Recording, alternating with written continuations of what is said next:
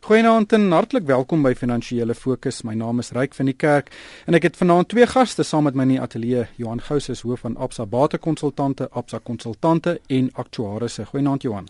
Goeienaand Ryk. En Charles Bester, hy is 'n portefeuljebestuurder by Creer Internasionaal. Goeienaand Charles. Goeienaand Ryk. Johan, kom ons begin by Eskom. Uh ons het hierdie week geweldige beerdkrag gesien. Ek wil nie alarmisties klink nie, maar dit lyk asof daar baie baie groot probleme is, dalk groter as wat ons aanvanklik gedink het. Ja, reg hierdie week is die fase 3 beerdkrag aankondiging gemaak en dit wat dit, dit eintlik beteken is dat hulle probeer om omtrent 4000 megawatts is uh, kapasiteit kwessies op te los uh, waar hulle 'n bietjie meer spasie vir hulle self probeer uh, skep. Nou, um, ek dink in die laaste week alleen was daar tegniese foute by Majuba Duva en by Kuiberg gewees. En uh, hierdie beerdkrag aankondigings moet ons verstaan is 'n voorkomende maatreel om die nasionale netwerk te beskerm en 'n totale verlies aan krag dan op 'n nasionale vlak te vermy. Nou die probleem is om behoorlik onderhoud te kan doen, het Eskom eintlik nog 5000 megawatt se kapasiteit nodig. So jy sit amper met 'n hoendereier tipe van situasie hierso.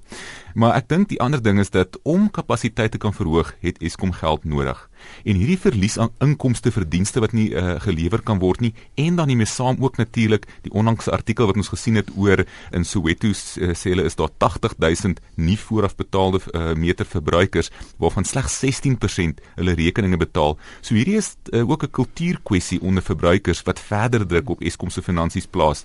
En en daar's kenners wat meen dat hierdie nie tegniese aspekte van die elektrisiteitsverliese, dit is nou die diefstal en die wanbetaling, tot soveel as 10% van die energie energieverbruik tydens spitstye kan verteenwoordig.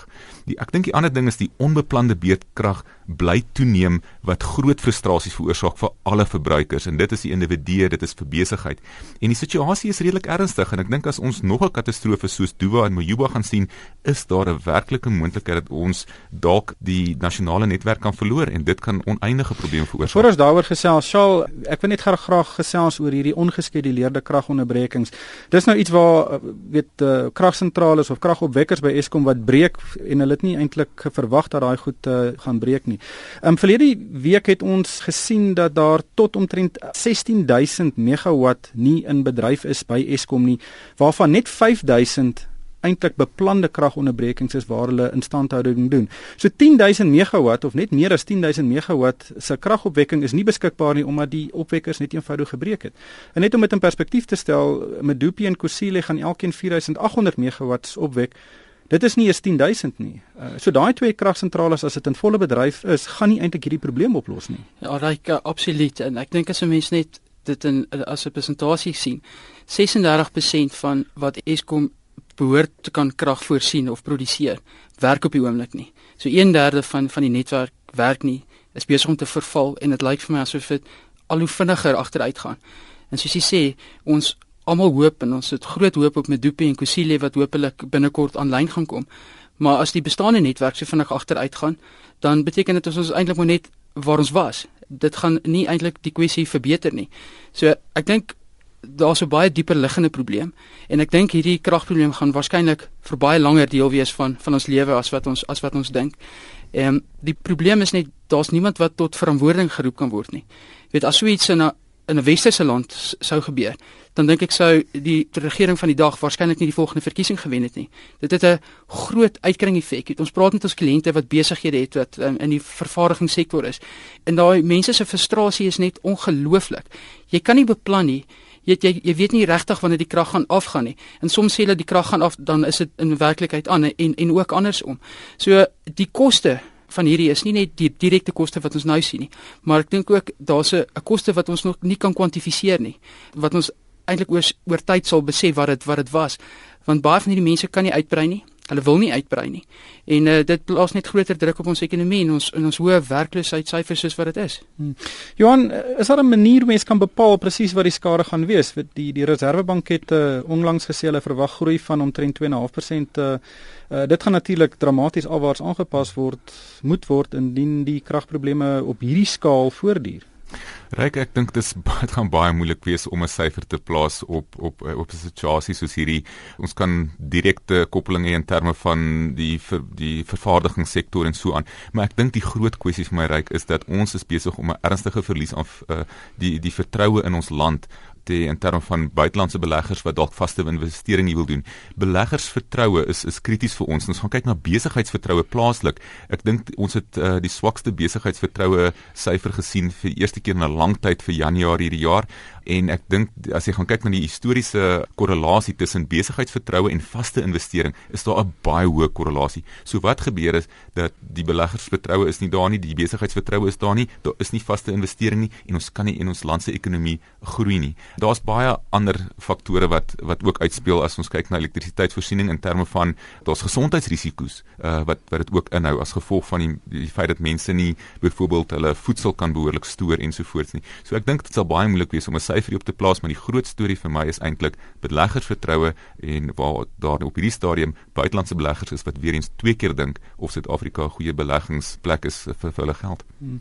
Kom ons kyk 'n bietjie na oplossings. Um, Charles, daar was hierdie week 'n voorstel dat Suid-Afrika in tydsones verdeel word sodat die kragvraag tydens piektye versprei word um, en dat dit nie alles op dieselfde tyd gebeur nie. Is so iets moontlik in Suid-Afrika?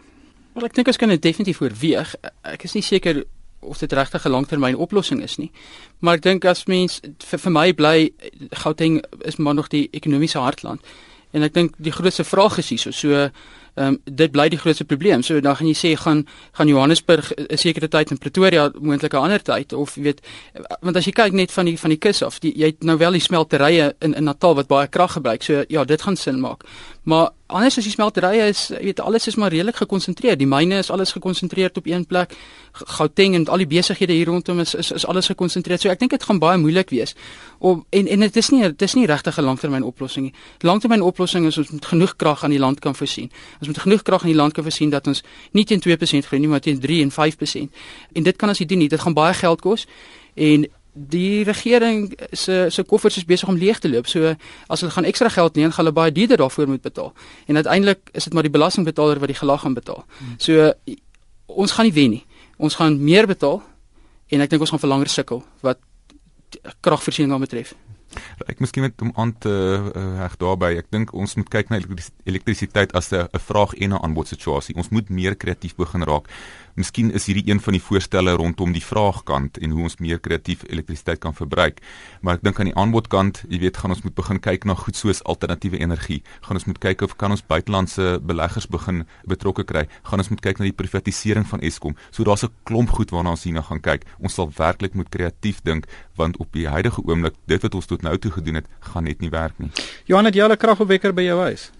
Ek het nog nie ek kon nog nie heeltemal myself kry om te dink dat ek soveel geraas buite my huis moet hê in die ry. Maar begin dit al op die agenda kom? Wel, nog nie op die oomblik nie. Ek dink ek my eerste opsie sal maar wees om te kyk hoe ek myself met gas kan probeer help. So? Nee, nie by die huis nie, ons het Velbos kantoor in Johannesburg want ek weet jy jy het jy het 'n gereelde krag nodig as jy 'n besigheid wil wil um, weet hanteer in in in, in goed doen in in 'n besigheid. So wat by ons besigheid het ons, by ons gelukkig is in ons in ons George Moss baie kantore is dat die dat die dorpe nie op dieselfde tyd ehm um, kragonderbrekings kan nie. So jy kan jou dag beplan daar daar da rondom. Maar mens moet anders begin dink. Maar ek dink waar waar ek wel kritiek teenoor Eskom het is byvoorbeeld die Suigerriet maatskappye het al vir baie lank voorstelle hoe hulle addisionele elektrisiteit kan opwerk in die netwerk sit. En ek dink heeltyd die Eskom ontmoedig dit eintlik in plaas van om dit aan te moedig. Jy weet so julle sit, hulle het 'n groot probleem, maar dit is nie asof hulle regtig mense aanmoedig om kreatief te wees en op ander maniere ekstra kapasiteit in ons netwerk in te sit nie. Hmm, Daar's ook ander voorstelle weet om bestaande kragopwekkers in private hande te gebruik. Byvoorbeeld by al die groot winkelsentrums staan daar baie baie groot kragopwekkers wat vir groot dele van die dag absoluut niks doen nie en mens kan dalk daai kragopwekkers in die nasionale verspreidingsnetwerk inskakel. Maar Johan, kom ons gesels 'n bietjie oor geld. Um, weet jy het nou vroeër genoem dat Eskom is nie probleme maar Die Suid-Afrikaanse Inkomste Diens lyk my het net soveel probleme. Die afgelope paar maande het ons verskeie stories gehoor van ongeruimthede by die Inkomste Diens. Dit is lelike stories. Dit is uh aantuigings van onwettige eenhede, weet die bestuur van onwettige besighede soos bordele, mense wat afgeluister word, liefdesdriehoeke. Dit is regtig nie lekker goed nie. En dit volg nadat Pravin Gordhan toe hy nog die die hoof daar was, uh weet die SARS omskep het in een van die mees gerespekteerde staatsinstellings Wat het nou gebeur? Ja, ryk, ons finansiële stelsel in Suid-Afrika is eintlik nog altyd hoog aangeslaan en ek dink Pravin Gordhan het 'n ongelooflike goeie werk gedoen en en 'n baie goeie historiese uh, rekord opgebou vir SARS. Maar ek dink dit alles begin skeefloop met Oupa Magashula wat onder 'n wolk van moontlike swak koöperatiewe bestuur weggestoot ons laas jaar die skandaal gesien van Ivan Pillay uh, wat die tussentydse kommissaris was en Pieter uh, Rigter wat die strategiese beplanningseenheid uh, die hoof van was en hulle is geskort en toe uiteindelik is dit daar bepaal dat dit onwettig was. Ons het vir Barry Hoor verloor wat uh, gekyk het na die inligtingstegnologie en baie goeie werk gedoen het. So ek dink op die oomblik 'n tekort aan kundigheid, 'n tekort aan kapasiteit en 'n tekort aan rigting is nie goed in terme van weer eens die vertroue van buitelandse beleggers nie en dan ook nie met die verhouding in terme van belastingbetalers nie. En ons sit in 'n situasie waar ons het 'n uh, druk op die fiskus. Ons moet ons geld begin inkry en uh, ons as ons kyk na die huidige vooruitskattinge is dat dit lyk op die uh, private belasting gaan ons die teiken slaan vir die 2014-15 belastingjaar, maar op die maatskappybelasting en die BTW kant is ons kort en 'n mens wil nie 'n situasie sien waar SARS nou begin om die vinnige korttermynwenne kry deur druk op die verbruiker nog verder te sit en hom in diepte te ondersoek waar ons eintlik op ander goed moet begin fokus nie. Ja, ek ek kan nie ek da, daarmee verskil nie. Ek ek dink ons sien dit stelselmatig in die meeste staatsinstellings dat ehm um, daai kundigheid wat verlore gaan, daai institusionele kennis wat oor baie jare opgebou is wat wat verlore gaan en jy kan dit nie vervang in in in, in 1 jaar, 3 jaar of 5 jaar nie. En as daai institusionele kennis eers verlore is, is dit vir altyd verlore.